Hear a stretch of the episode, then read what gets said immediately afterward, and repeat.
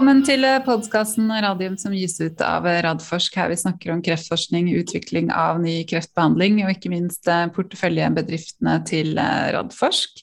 Dette er episode 188. Den heter PCI Biotech, og det er blitt 1.9, og klokken er 14. Velkommen, Jonas Einarsson. Takk skal du ha, Elisabeth. Alt bra? Alt vel. Du har en tra... Det er godt å komme litt, litt tilbake på kontoret hvor jeg faktisk sitter nå. Det har ikke så, vært så ofte det siste halvannet året, men det, det, gjør godt. Ja, det er bra. Og neste uke så klarer vi kanskje til og med å komme oss inn i studio, og ikke bare på Zoom? uh, ja, ikke jeg, da. For jeg Nei, ikke du, da. et annet møte. Ja. Ja. Men det går bra. Det går bra. Vi er blitt så digitale. Velkommen også i studio Per Valdai, CEO i PCI Biotech, og Ronny Skuggedal, CFO i PCI Biotech, på felles møterom. Ja da, vi er på kontoret, vet du, så. Ja, det er bra. Savner å se dere i studio i live, men eh, det Vi får ta det etter eh, neste kvartalsrapportering. Mm. Ja, så bra. Um, dere la jo da fram resultatene fra andre kvartal i går, og jeg tenker vi kan begynne med med release-studien, altså pivotalstudien dere har nå gående over eh, store deler av verden for behandling av eh, gallegangskreft. Um, største nyheten er vel at dere da må utsette, eller nå utsetter interimanalysen eh, i studien til andre halvår 2023, altså noe som tilsvarer en forsinkelse på et halvt til ett år fra tidligere guiding. Eh, jeg tenker vi skal begynne med, Per, at du går gjennom bakgrunnen for hvorfor dere tenker at det er nødvendig å gjøre dette nå, og i tillegg eh, hvilke tiltak dere eh, tar i selskapet for å øke rekrutteringen i studien? Det kan vi gjøre. Og når vi gjør det, så tror jeg vi skal ta et par skritt tilbake og, og se litt på hva som egentlig har skjedd frem til nå. Vi, jo, vi, ble jo slått av, av, pandemien som så mange andre i mars. Eh, og vi rapporterte jo i annet kvartal i fjor at vi hadde hatt et fryktelig vanskelig periode etter at den pandemien kom. Da hadde vi rekruttert inn én pasient i løpet av det halve året. Eh, og det var jo ikke veldig eh, oppløftende nyheter å komme med. Samtidig så hadde vi jo da, når vi så at dette stoppet helt opp, så brukte vi alle våre ressurser til å heller se på hva kan vi gjøre for å få dette til å gå så fort som mulig når denne pandemien er over. Og Da så gikk vi gjennom både screening og pre-screening logs som vi hadde, og så på hva det var som gjorde at pasienter ikke kom med. Vi så på hvilke land vi kunne uh, ekspandere til. Uh, og vi så også på hva vi kunne forbedre operasjonelt av, av prosesser og prosedyrer. Og så har vi i løpet av den perioden da jobbet intenst. Det var en intens sommer, faktisk. Som, eh, det var vel en del sommerferier der som gikk fløyten uh, for noen. Uh, for å få dette her på plass. Og vi implementerte det i høsten 2020. og Da hadde vi en ny protokolldesign. Forandrede eligibilitetskriterier. Vi åpna opp siter i Asia. Eh, og vi inkluderte også Ukraina som et nytt land i Europa. Eh, og alt dette her ble jo slått, slo jo til da i begynnelsen, slutten av tredje kvartal, begynnelsen av fjerde kvartal. Eh, noe av det kom på plass som implementering i, i starten av første kvartal 2021. Og så så vi helt klart en markant forbedring. Eh, da fikk vi et første kvartal som vi kunne rapportere i 2021, der vi fortalte at eh, nå ser det lysere ut. Vi har fått en klar forbedring på, på, på eh, rekrutteringen. Og vi er, det vi sa var vel cautiously optimistic på at dette her kan gå bra. Og, men vi forventer at det skal bli enda bedre når pandemien slipper taket helt. Eh, og så håpet vi da på at pandemien skulle slippe taket. Det har vi jo for så vidt håpet på i, i, mange omganger, men den kommer jo stadig vekk uh, tilbake her. Uh, og, og, så kom annet kvartal, og så kom delta-varianten. Og så så vi at her, her gikk det ganske tregt, og spesielt mai og juni var vanskelige. Og så kom, så kom, fjerde kvartal, og, eller ikke fjerde kvartal, så kom uh, juli, begynnelsen av tredje kvartal, og da begynte det å løsne litt igjen. Så det her har fluktuert ganske kraftig i løpet av denne perioden. Og så har vi da vi har hatt en, en plan for hvordan denne rekrutteringen skulle se ut for å nå det målet som vi har satt opp, som vi har guida på tidligere. Eh, og det, eh, Den planen krever nå eh, fremover at vi har mellom 14 til 18 pasienter i kvartalet som blir inkludert. Og så ser vi på at vi hadde tre i annet kvartal. Vi ser at pandemien fremdeles herjer faktisk en del steder. Og også ødelegger for både for sykehusene, men ikke minst for pasienters villighet til å reise. Eh, for disse pasientene er jo immunsvekkede og er ganske, eh, eh, ganske svake i forhold til å beskytte seg mot en, en, en, en sånn type infeksjonssykdom. Og Da syns vi det var riktig å si at 14 18 fra nå av, det tror vi kanskje ikke helt på. Og Da er det bedre at vi guider om dette her og forteller at nå regner vi med at vi kanskje kan få et snitt fremover 12 eh, i kvartalet. Eh, og da havner vi på annet halvår 2023. Mm. Så det var det som vi kom med i den sammenhengen. Nå ser vi videre på det vi også har sett er at Asia har bidratt veldig bra siden de kom med. Det virker som de har ganske god kontroll der. Og vi ser også videre da på hva kan vi gjøre i relasjon til at nå går vi gjennom alle sites uh, og ser de som ikke performer sånn som de bør, de bytter vi ut. Så vi gjør feasibility på ytterligere sites. Så vi har en ganske sånn sterk uh, drivkraft i uh, studiet nå på å prøve å optimalisere den optimalisere sitene som vi, som vi har inne i studien. Mm.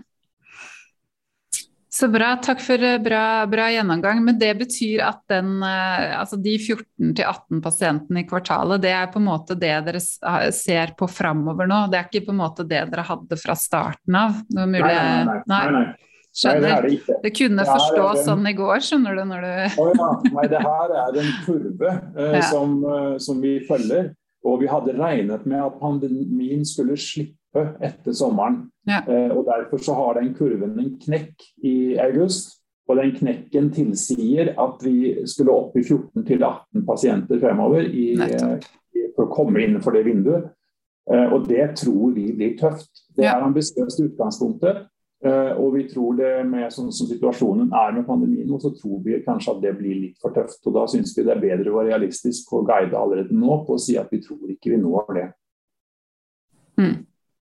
Jonas, vil du eh, skyte inn noe? Ja, Har du en kommentar? Ja, nei, det, ja, det, er, det, er, det, er, ikke så veldig mye, mye mer å si eh, egentlig. Eh, jeg tror uh, kanskje det, det, poenget som Per har der, med, med, dette med villigheten til pasientene på en måte å ta en, en i gåseøynene litt risk. Dette er jo en, en, en, studie med en kontrollarm. og Det betyr at pasienten vet jo ikke om de får aktiv medisin eller ikke. og Da er jo det sånn historisk sett vært at pasientene har vært veldig villige til å ta liksom, den, den, ekstra byrden med å, å, reise og komme til sykehus til kontroller, selv om de ikke ikke vet om de får den aktive medisinen. Eh, det kan nok bli minska ganske betraktelig eh, den evnen og, viljen til å ta den risikoen når man da samtidig er i en veldig utsatt situasjon.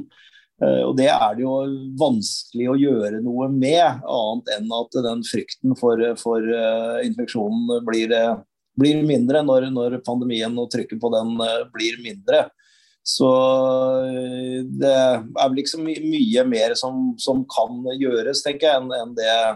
Det, det får jo et absolutt inntrykk av at uh, eh, PCI har gjort, gjort det, absolutt det de kan for å, for å få eh, opp uh, takten igjen. Og så kan man jo håpe da, at uh, de er litt, litt, vel pessimistiske nå, men det er jo like greit å være pessimist-realist i disse tider enn, enn å være litt falsk optimist. Så så det er sånn, det er sånn situasjonen er. Vi har på en måte lært oss gjennom denne pandemien at den slipper ikke så lett. Eh, den kommer stadig vekk tilbake. Eh, og eh, nå har vi jo Vi har vaksinert veldig godt i Norge. Det er ikke så lang stor vaksinasjonsdekning mange andre steder i verden. Og de sliter jo i de republikanske statene, f.eks. I, i USA nå, som der det er mye vaksinemotstand. Der er det virkelig Texas, holdt jeg på å si. Um, det er, det er du, du ville gjerne nevne et, en konkret av det er veldig Florida, kan vi si. da. Ja. Men det er, det er, det dør det enormt mye mennesker for tiden, og det er helt oversprengt på sykehusene i Louisiana, Florida og en del andre av disse statene. Mm. Ja, det er klart at det, at det gjør det tøft. Og jeg, ja, det er vel kanskje det perspektivet ikke man alltid har i Norge, da, hvor man på en måte har den tilliten man har til starten, og nettopp mange, mange tar vaksinene og sånt noe. Mm. Um, jeg har noen spørsmål, fordi det, det, har også vært et poeng, og, og, jeg vet ikke om jeg nevnte det på starten, men vi har fått, fått inn utrolig mange lytterspørsmål eh, denne gangen også. Vi kommer jo til de uh, snart uh, også.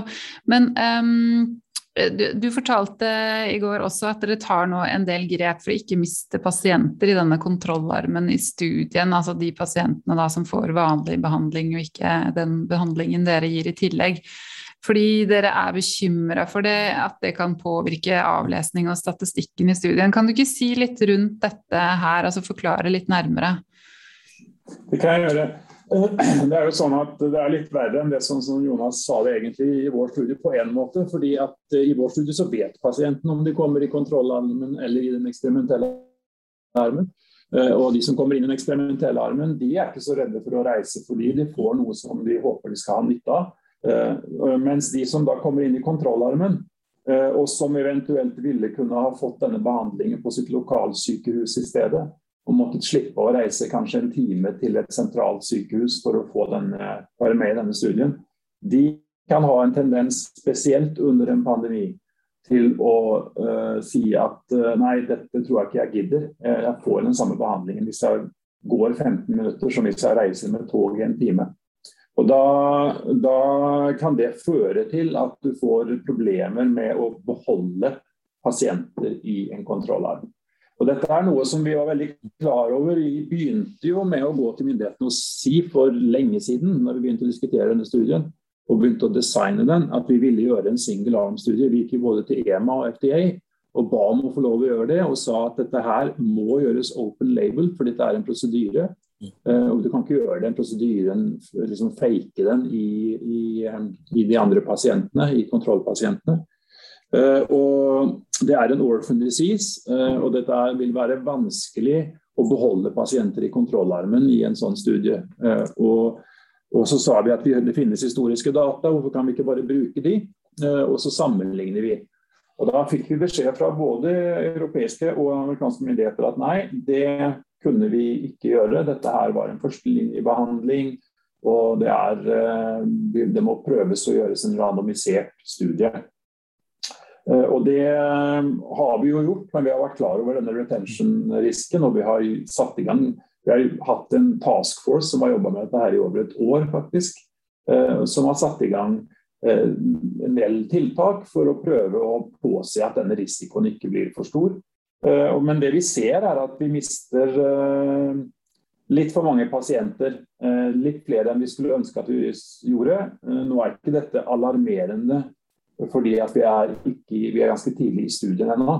Så det er mange flere pasienter som skal inkluderes. Så dette, hvis det fortsetter på det nivået som vi har nå, da kan vi få et problem. Da må du nok få et problem da, altså, øh, Hvordan skal jeg forklare det her? da? Uh, hovedendepunktet som vi skal se på i vår studie, det er progression free survival. Og Når du avleser sånne eventer, så gjør du det på en viss maturity, kaller du for en modenhet. En viss prosent av pasientene skal ha fått eventen ved avlesningen. Eh, og Hvis du da har en retention som er lavere enn Sier at du da har, skal ha 85 eh, eh, maturity, så kan du, tåler du ikke mer enn 15% som faller fra. Hvis mer enn 15% faller fra, så når du aldri opp til 85 mm. For da har du tapt, sånn at du har mindre enn 85 igjen. på en måte. Sånn da, det, du må da gjøre, er å legge på sample sizen. Eh, du må utvide studiet, sånn at du kan forsterke dette her eh, rommet du har, eller bygge ut det rommet du har å gå på. Mm. Eh, så det er litt av problemet med, med, med en sånn eh, en sånn studie og, og, det med retention og viktighet. Altså Retention er noe som er viktig i alle kliniske studier, og som alltid er noe man holder et øye på. Men det er spesielt uh, et problem når du har open label-studier og, og, sånne kontrollarmer som pasientene vet at de havner inn i. Mm. Du, men Per, bare avbryte deg et sekund. for Vi har fått et lytterspørsmål på akkurat det begrepet retention. Kan du ikke bare forklare det, sånn at vi får med oss alle nå, så man ikke mister noen fordi man ikke skjønner begrepet du bruker? Ja, altså Retention er jo at de blir igjen i studien. Og siden det da skal avleses et, et endepunkt, ikke sant? så må de være i studien til det endepunktet avleses. Hvis mm. ikke, så får du ikke avlest det endepunktet. Uh, og da, hvis du da mister dem på veien dit, så, så, så faller de fra. på en måte, Da blir det mm. sensor i det du mister dem hele tiden. Ja. Som det heter uh, i studien. Og du kommer ikke til å nå de eventene som trigger avlesningen hvis du mister for mange. Mm. Ja, for da må dere jo da rekruttere enda, enda, flere. Og når utgangspunktet i rekrutteringen er det som er vanskelig, så ja. Da har jeg skjønt det riktig. Ja, da har du, du skjønt det riktig. Og så er det jo, Men dette er ikke som, som sagt, dette er ikke alarmerende i dag. Altså den, eh, Det vi har av pasienter som vi har mista i kontrollarmen i dag, er ikke alarmerende. Eh, men hvis vi fortsetter på det samme nivået, så får vi kanskje et problem. Mm. Og Det er da viktig at vi prøver å motvirke dette her så godt vi kan. Så mener vi jo og tror at pandemien i seg selv er en medvirkende årsak til at, uh, at retention er vanskelig. Fordi at pasienter liker ikke å reise når de er kreftsyke og går på cysplatin, bl.a. Uh, altså kjemoterapi. Uh, og er immunsvekkede, så liker de ikke å reise når det er en farlig pandemi som samtidig herjer. Mm. Er dette noe dere har gått i dialog med FDA og EMA igjen på, eller? Fordi denne studien ble jo designet eh, på en måte før vi gikk inn i en pandemi. De, er det noe som tilsier at de har endret synet sitt på dette nå? Det har jo vært en del uh, ting som har skjedd siden vi første gangen gikk og ba om å få lov å gjøre en singeldarmstudie. Det er kommet, eh, og jeg må jo si at eh, En del av disse spørsmålene som du har sendt oss litt sånn eh, utskrifter av, som har kommet, en del av de er nokså innsiktsfulle. De snakker om syntetiske kontrollarmer og sånne ting. og det er, det er, noe som man jobber en del med. og Det å bruke real world evidence, altså data fra, fra pasienter som faktisk er behandlet, og måten å gjøre det på. Eh, som, eh, som, eh, det utvikles en del ting på. og FDA har gått med på i noen sammenhenger å, å bytte ut en kontrollarm delvis med en syntetisk kontrollarm, eller det er en, altså eksterne pasienter. Men da må det kontrolleres veldig godt.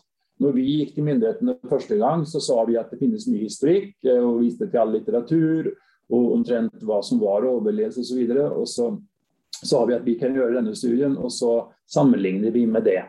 Eh, og da sa de nei, det går ikke. Nå har man mye mer sofistikerte metoder som man kan gjøre dette her på.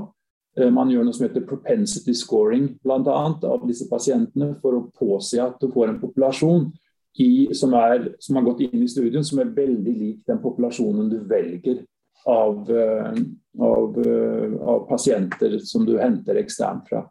Så Det er eh, en mulighet, og den muligheten må vi også se på om dette her er noe som vi kan eventuelt snu myndighetene på. Mm. og, og få lov til å bruke.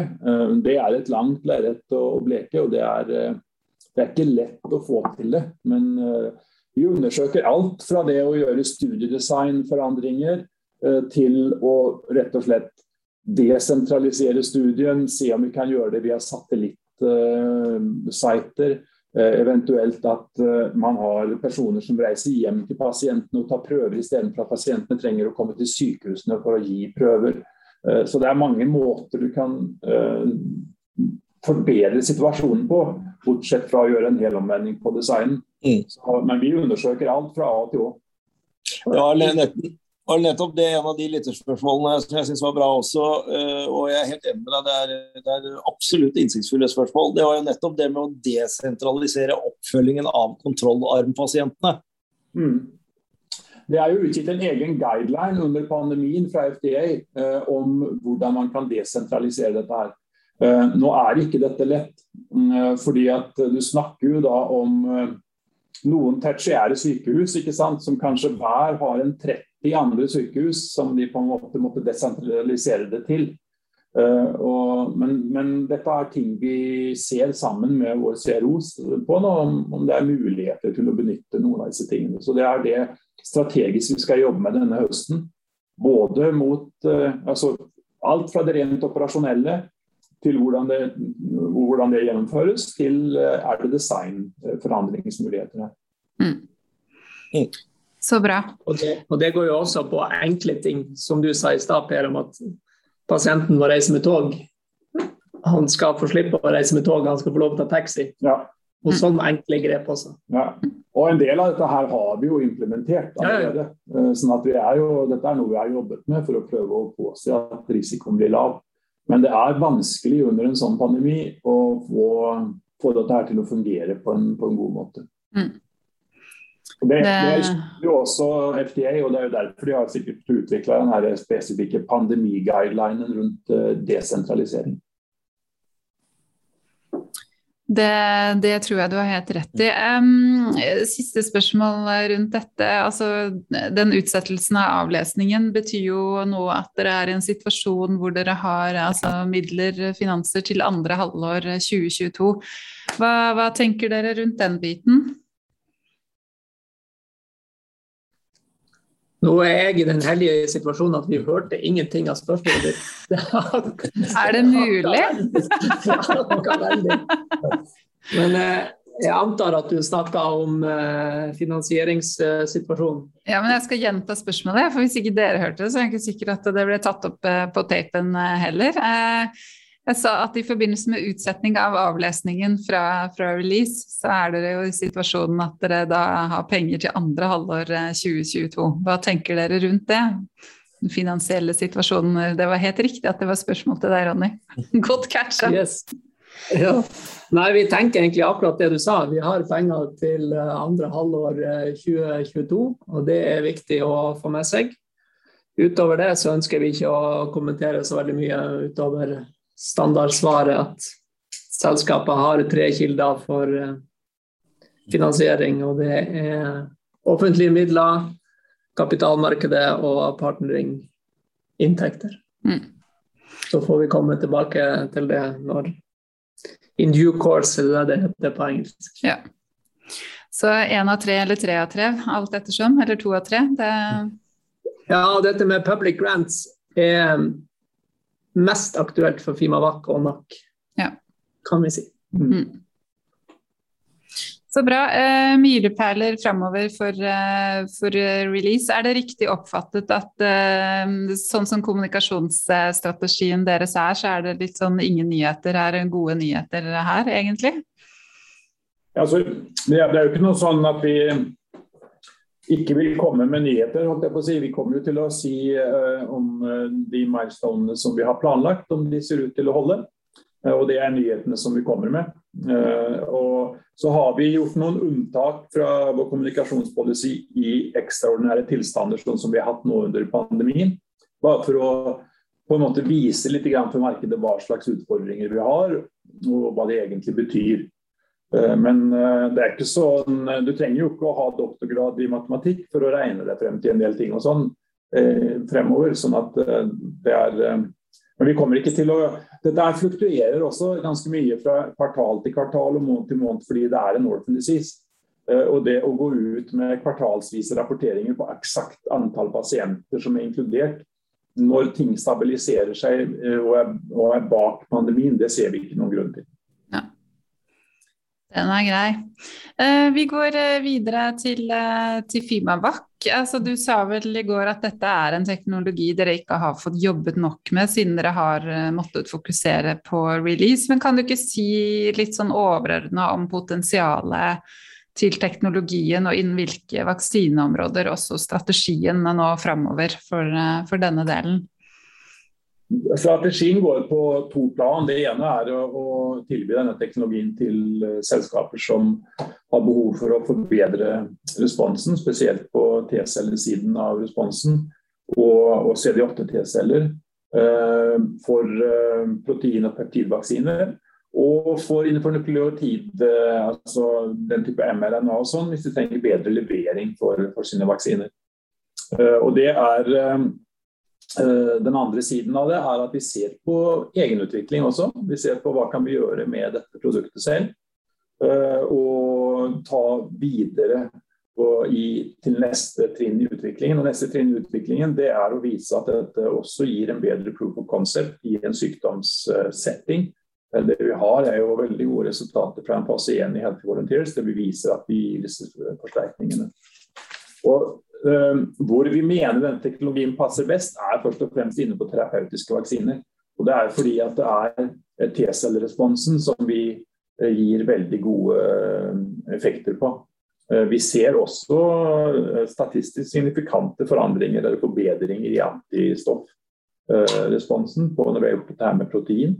Men, men, vi mener at det største behovet her Vi ser jo at det profylaktiske vaksiner det det fungerer relativt godt med, med, de plattformene som eksisterer. Så vi tror jo at det største behovet for dette her, eh, for denne teknologien ligger innenfor terapeutiske vaksiner. Mm. Uh, ja, og så Det er også et lytterspørsmål som har dukket opp uh, også. Altså, har dere nok ressurser til å få utløst uh, potensialet innenfor teknologien, sånn som det, dere ser det?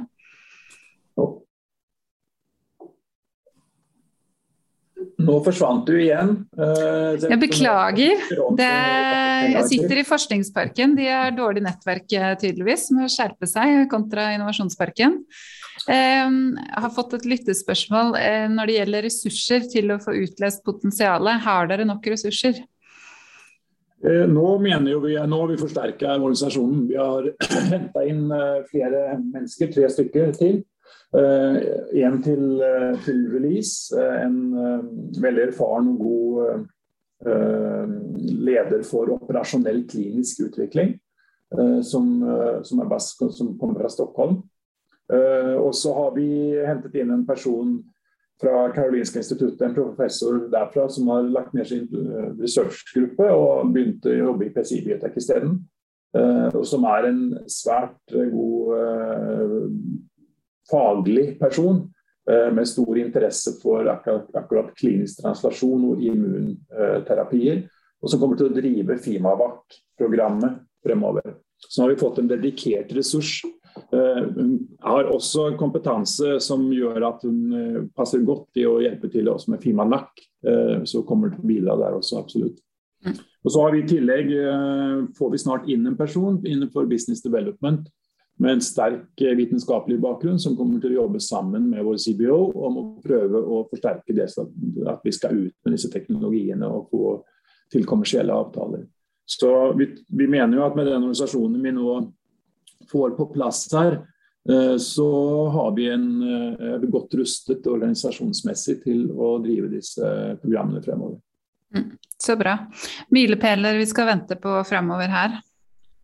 På Fima Avac så er mm. det primært uh, det vi prøver å få til innenfor samarbeid. Uh, og så er det å komme i en proof of concept-studie, altså en, en, en, sykdomsstudie. Og der kommer vi til å Nå løfter vi opp dette arbeidet igjen. Uh, og så kommer vi med de nye ressursene, og så kommer vi til å komme med nyheter her etter hvert når vi får strategien på plass. Vi har i dag ikke finansiering til å kjøre en studie selv på dette. Nei, så, så, det er avhengig av et samarbeid? Det er avhengig av et samarbeid på en eller annen måte. Mm. Mm. Uh, ja, vi kan gå videre til uh, Fima NAC. Her har dere flere forskningssamarbeid. Uh, og det som kom til nå i Q2, det var jo det med det koreanske selskapet Olix Pharmaceuticals. Um, si litt om, uh, om, potensialet i teknologien her, og nettopp hvorfor det forskningssamarbeidet med Olix er så spennende i den konteksten. Det er uh, et samarbeid som går innenfor uh, områder som vi har sett Som vi, har, som vi mener passer veldig godt for applikasjonen.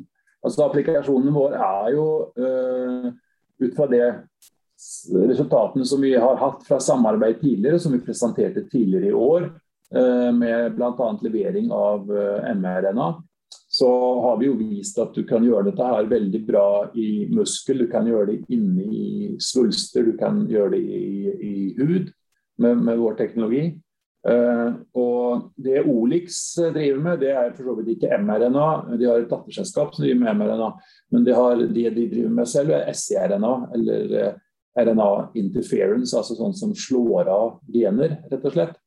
Uh, og, og, De fokuserer innenfor øye og hud, som jo er applikasjoner som det er lett å lyse på. Vi må jo komme til med lys for å kunne gjøre vår behandling. Eh, og øyet er jo selvsagt veldig lett å lyse på. Der kommer det inn lys hele tiden. Ellers hadde vi jo ikke sett noen ting.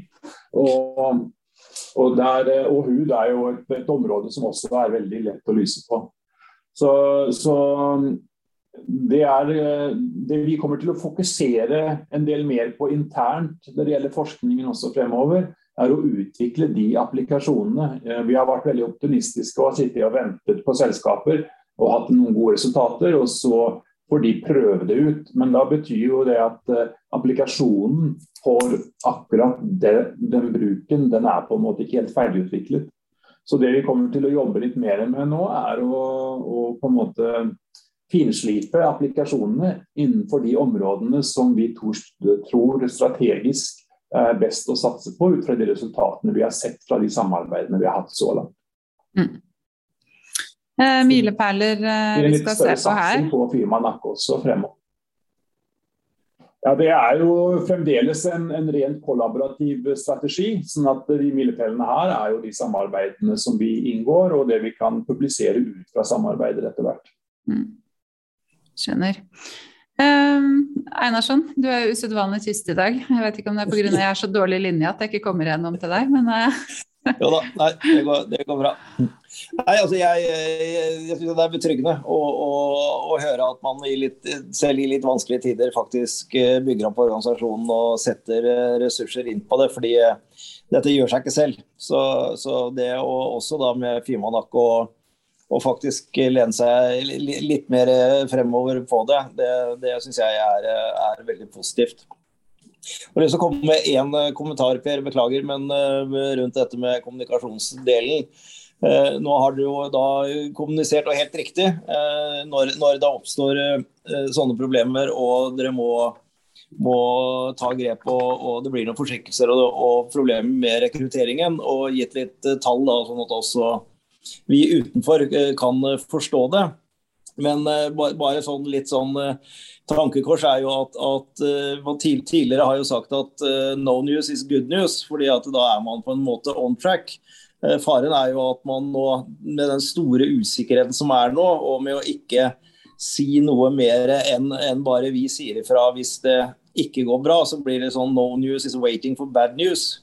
Og Det kan jo også skape litt mer usikkerhet da, rundt den veldig følsomme i forhold til, til, markedet. Så det kan være verdt å tenke gjennom. Ja da, et godt innspill. Skal tenke gjennom det. Du, hørte, du, hørtes virkelig ikke ut som du mente det, men det var kanskje svensken i deg? det er greit. Um, Ronny, vi var så vidt innom finansene i stad, men uh, du må gjerne uh, bruke litt mer tid.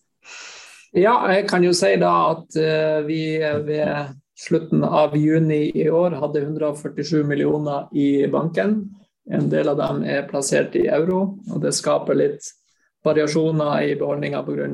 Eh, fluktueringer i valutakurs. og Derfor får man av og til noen rare utslag på finansresultatet vårt. Men sånn rett operasjonelt så bruker vi, og historisk har brukt i flere kvartal nå, 20-25 millioner i kvartalet. Så disse pengene vi har i dag, tar oss godt inn i andre halvår eh, til neste år. Eh, vi kommenterte også at et BIA-prosjekt som vi har hatt på Fimavac. Støtten på det ble avslutta nå i juni i år også, eh, etter planen det også. Så der har vi jo da over fire år fått ca. 13,4 millioner i støtte fra Forskningsrådet. Så det ønsker vi å, å takke, takke, for, og at det har vært et, et viktig bidrag for selskapet og Fimavac-programmet. Eh, så skal CSO Anders Høgseth eh, være på hugget igjen og få på plass nye støtteordninger for det. Så har jeg heva lista litt for han også. Eh, også under andre income eh, så vil jo da eh, nivået gå litt ned, for nå har vi da for øyeblikket eh, SkatteFUNN innenfor det området. Og SkatteFUNN er fem millioner ca. i året. Mm. Um, ja. Hva det var det. Noe mer?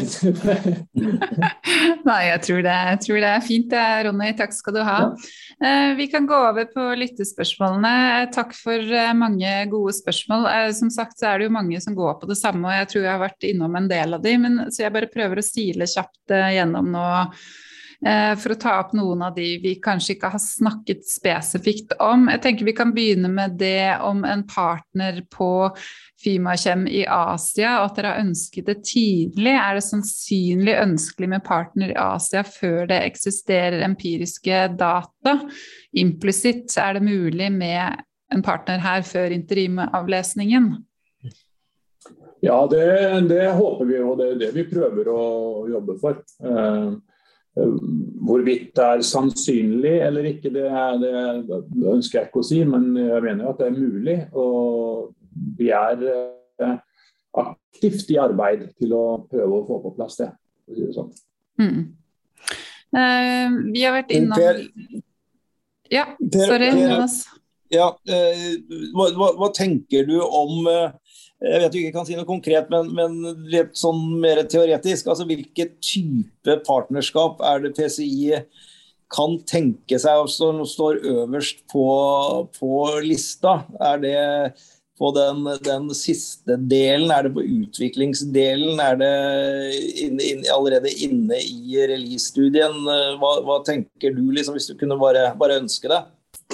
Nei, altså Det beste er jo å få inn noen som kan være med eh, og drive release-studien. Og være med på å selektere key opinion leaders i de markedene som, ikke, som er så langt unna fra oss, og som er nærmere dem. Eh, det ville vært eh, det som jeg syns hadde vært best. Eh, for da får du utvida og får et fotfeste på de kommersielt viktige punktene før eh, release-studiens avlesning. Og Derfor mm. tror jeg det er, viktig, det er viktig, viktigere i det området å ha den, en sånn avtale på plass på, litt tidligere med en, med en kommersiell aktør. Bra. Ok, flott. Det er jo flere som har lurt på dette med studiedesign. Jeg vet ikke, Er det mulig å si noe mer om uh, endringer i studiedesign? Vi har fått et ganske langt og detaljert spørsmål på det, så jeg tror ikke jeg skal lese det hele. Dere har jo sett på det også. Jeg vet ikke om du har noe mer å tilføre der, Per, i forhold til hva vi har snakket om tidligere på release? Nei, altså jeg tror vi har vært innom det meste her. Dette er en innsiktsfull person. Uh, som, eh, som, har eh, tenkt mye rundt både satellittsites og desentraliserte studier og syntetiske kontrollarmer osv. Mm. Eh, så, men jeg tror vi har vært innom alt ja. av det allerede. Ja. Den er god. Hvis jeg bare prøver å lese ja, og det her i samme, samme, med at man i forhold til med konkrete rekrutteringstall eh, til studien, det har vi også vært gjennom, der endrer dere ikke noe. Eh, og så er det en lytter som lurer nettopp på dette her med en kontrollarm, og hvorfor det ikke er eh, vært nødvendig, eller hvorfor det er nødvendig. Men det har vi jo også vært eh, gjennom. Eh, så er det en konkret spørsmål om hvordan rekrutteringen går i Taiwan. Det har vi ikke vært innom, hvis det er noe du kan si noe om. Det, det, spørsmålet som du akkurat hoppet over nå, ja. dere spør om uh, hvorfor forlanger FDA dette her. Ja, ja, det er interessant. Det kan du si litt om. Det, det, har jeg kanskje ikke sagt noe om, men den eneste måten å virkelig sikre på at du har eksakt den samme pasientpopulasjonen i begge armene i en studie, at du sammenligner epler med epler, uh, er å randomisere. For at det er den eneste måten når du gjør sånn propensity scoring, som jeg har om tidligere, da velger du ut kjente variabler som du tror kan påvirke ting, og som er ukjent i hvilken grad de påvirker det. Og så passer du på at det er likt på to populasjoner, både i kontrollarmen og i den eksperimentale armen. Men så har vi disse her eh, famøse unknown unknowns, som de kalles for. Som han der, eh, utenriksministeren var vel i USA snakket så mye om. Uh, du har de known unknowns og de unknown unknowns. Og de unknown unknowns det er de som FDA er bekymra for. De får du ikke gjort noe propensity scoring på, for de vet jo ikke om uh, at de påvirker uh, hvordan resultatet blir. og Derfor så sier de at den eneste måten å faktisk være helt sikker på at du har sammenligner på riktig måte, det er at du har en helt randomisert studie. Så det er det ideelle, og det er det de alltid ønsker dersom det er mulig. Mm. Så er spørsmålet er det alltid mulig, eller er det noen ganger der, der man er nødt til å gå vekk fra dette her og ta det nest beste, som jo da er å, å gjøre ta real world evidence, eller enda bedre data fra andre kliniske studier, og gjøre denne type grundig propensity scoring for å, for å passe inn dette her. Da får du det nest beste resultatet. Og det er jo når vil FDA gå med på at det nest beste er godt nok? Mm. Eh, og hvor vanskelig må det være eh, å få en studie gjennomført for at de skal si at dette er greit? Det er det vi skal prøve å undersøke både nå med, med regulatoriske myndigheter både her og der, tenkte vi. Mm. Så bra. Det var bra vi gikk, eh, gikk tilbake dit. Men da, da er det Taiwan. Så var det Taiwan. Eh, og Der går det omtrent som forventet. Du må huske på at Vi har tre sentre som er åpna i Taiwan. Vi forventer å få ca. én pasient i året per senter uh, i denne studien. Så det er tre pasienter i året vi forventer. og Vi har hatt aktivitet og randomisering i Taiwan. Uh, det har ikke vært åpent så lenge. sånn at vi kan si at det er omtrent i henhold til plan akkurat i Taiwan. Mm. Eh, og så er neste spørsmål fra samme lytter om dere har noen planer om å inkludere Thailand, som har enda høyere insidens av, eh, av gallegangskreft enn Syd-Korea. Um, eller er det for sent å inkludere ytterligere land? Nei, det er ikke for sent å inkludere ytterligere land. Um, men det tar tid å inkludere nye land. Det gjør det. mm. Jeg tror jeg svarte på et spørsmål om Thailand under Kuto-presentasjonen, hvis jeg husker riktig.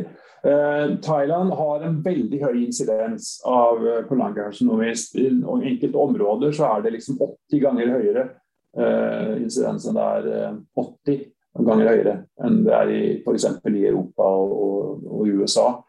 Eh, så, men det som er, er at eh, det er en litt uh, annen sykdom, kanskje, fordi at den blir, uh, blir infisert av såkalte liver flux.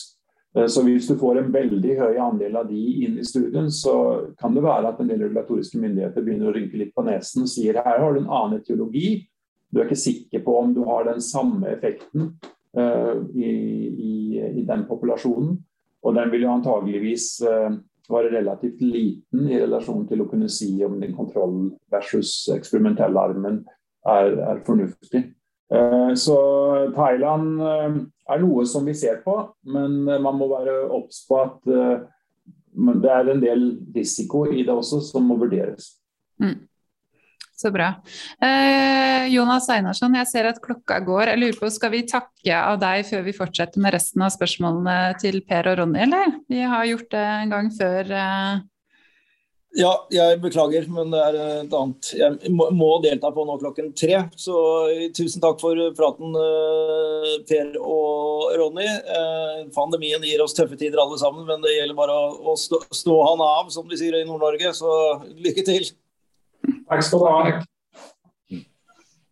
Uh, ja. Um, samme lytter hadde også uh, spørsmål i forhold til det med samarbeidet med Olix. og Der er spørsmålet om dere har innsyn i resultatene, om dere er i aktiv dialog over resultatene og en eventuell utvidelse til kreftområdet?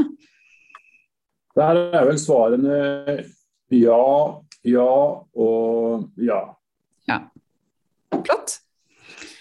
Um, så er det neste spørsmål. Uh, har, lytteren skriver at dere har informert om at det kan være åtte pasienter som har fått to behandlinger med Fimakjem i andre halvdel 2021.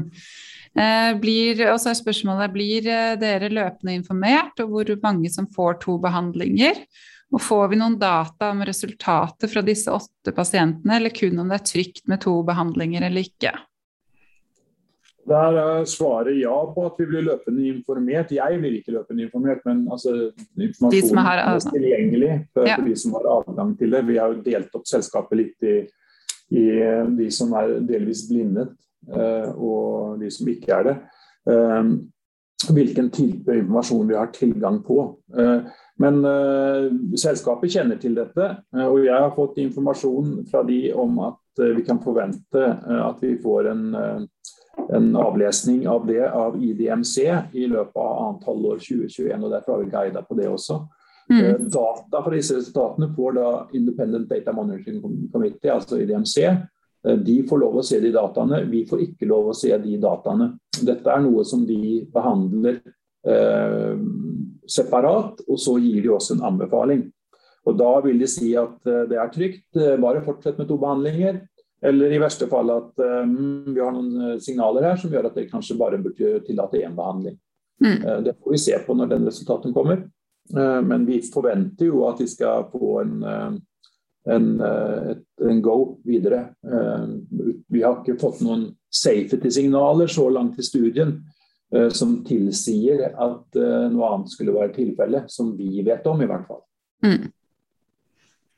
Så bra. Um, det er et spørsmål her også på litt med partnerskap. Um, men det ene går på at uh, går litt mer spesifikt enn det vi har snakket om tidligere med en sjekkpunkt inhibitor partner. Er det det jeg skal forstå CPI-partner med Fimavac?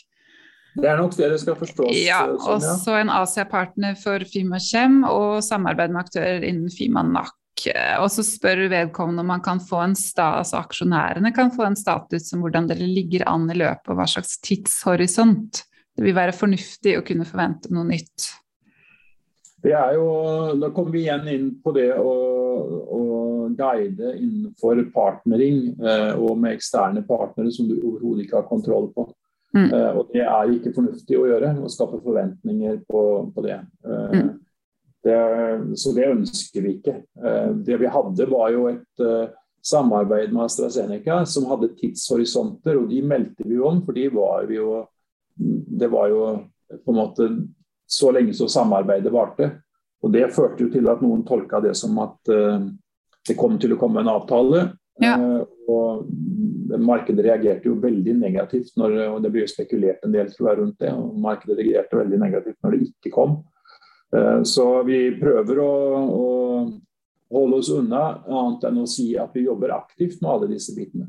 Mm.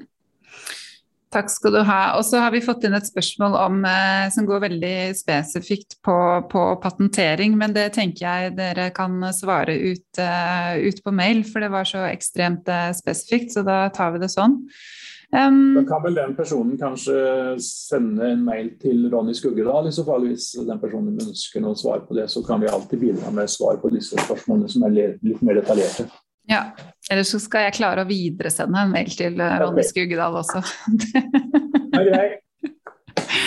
Men ehm, jeg vet ikke, har dere noen avsluttende bemerkninger? Eh, noe dere føler dere burde si, eller noe som vi ikke har vært innom?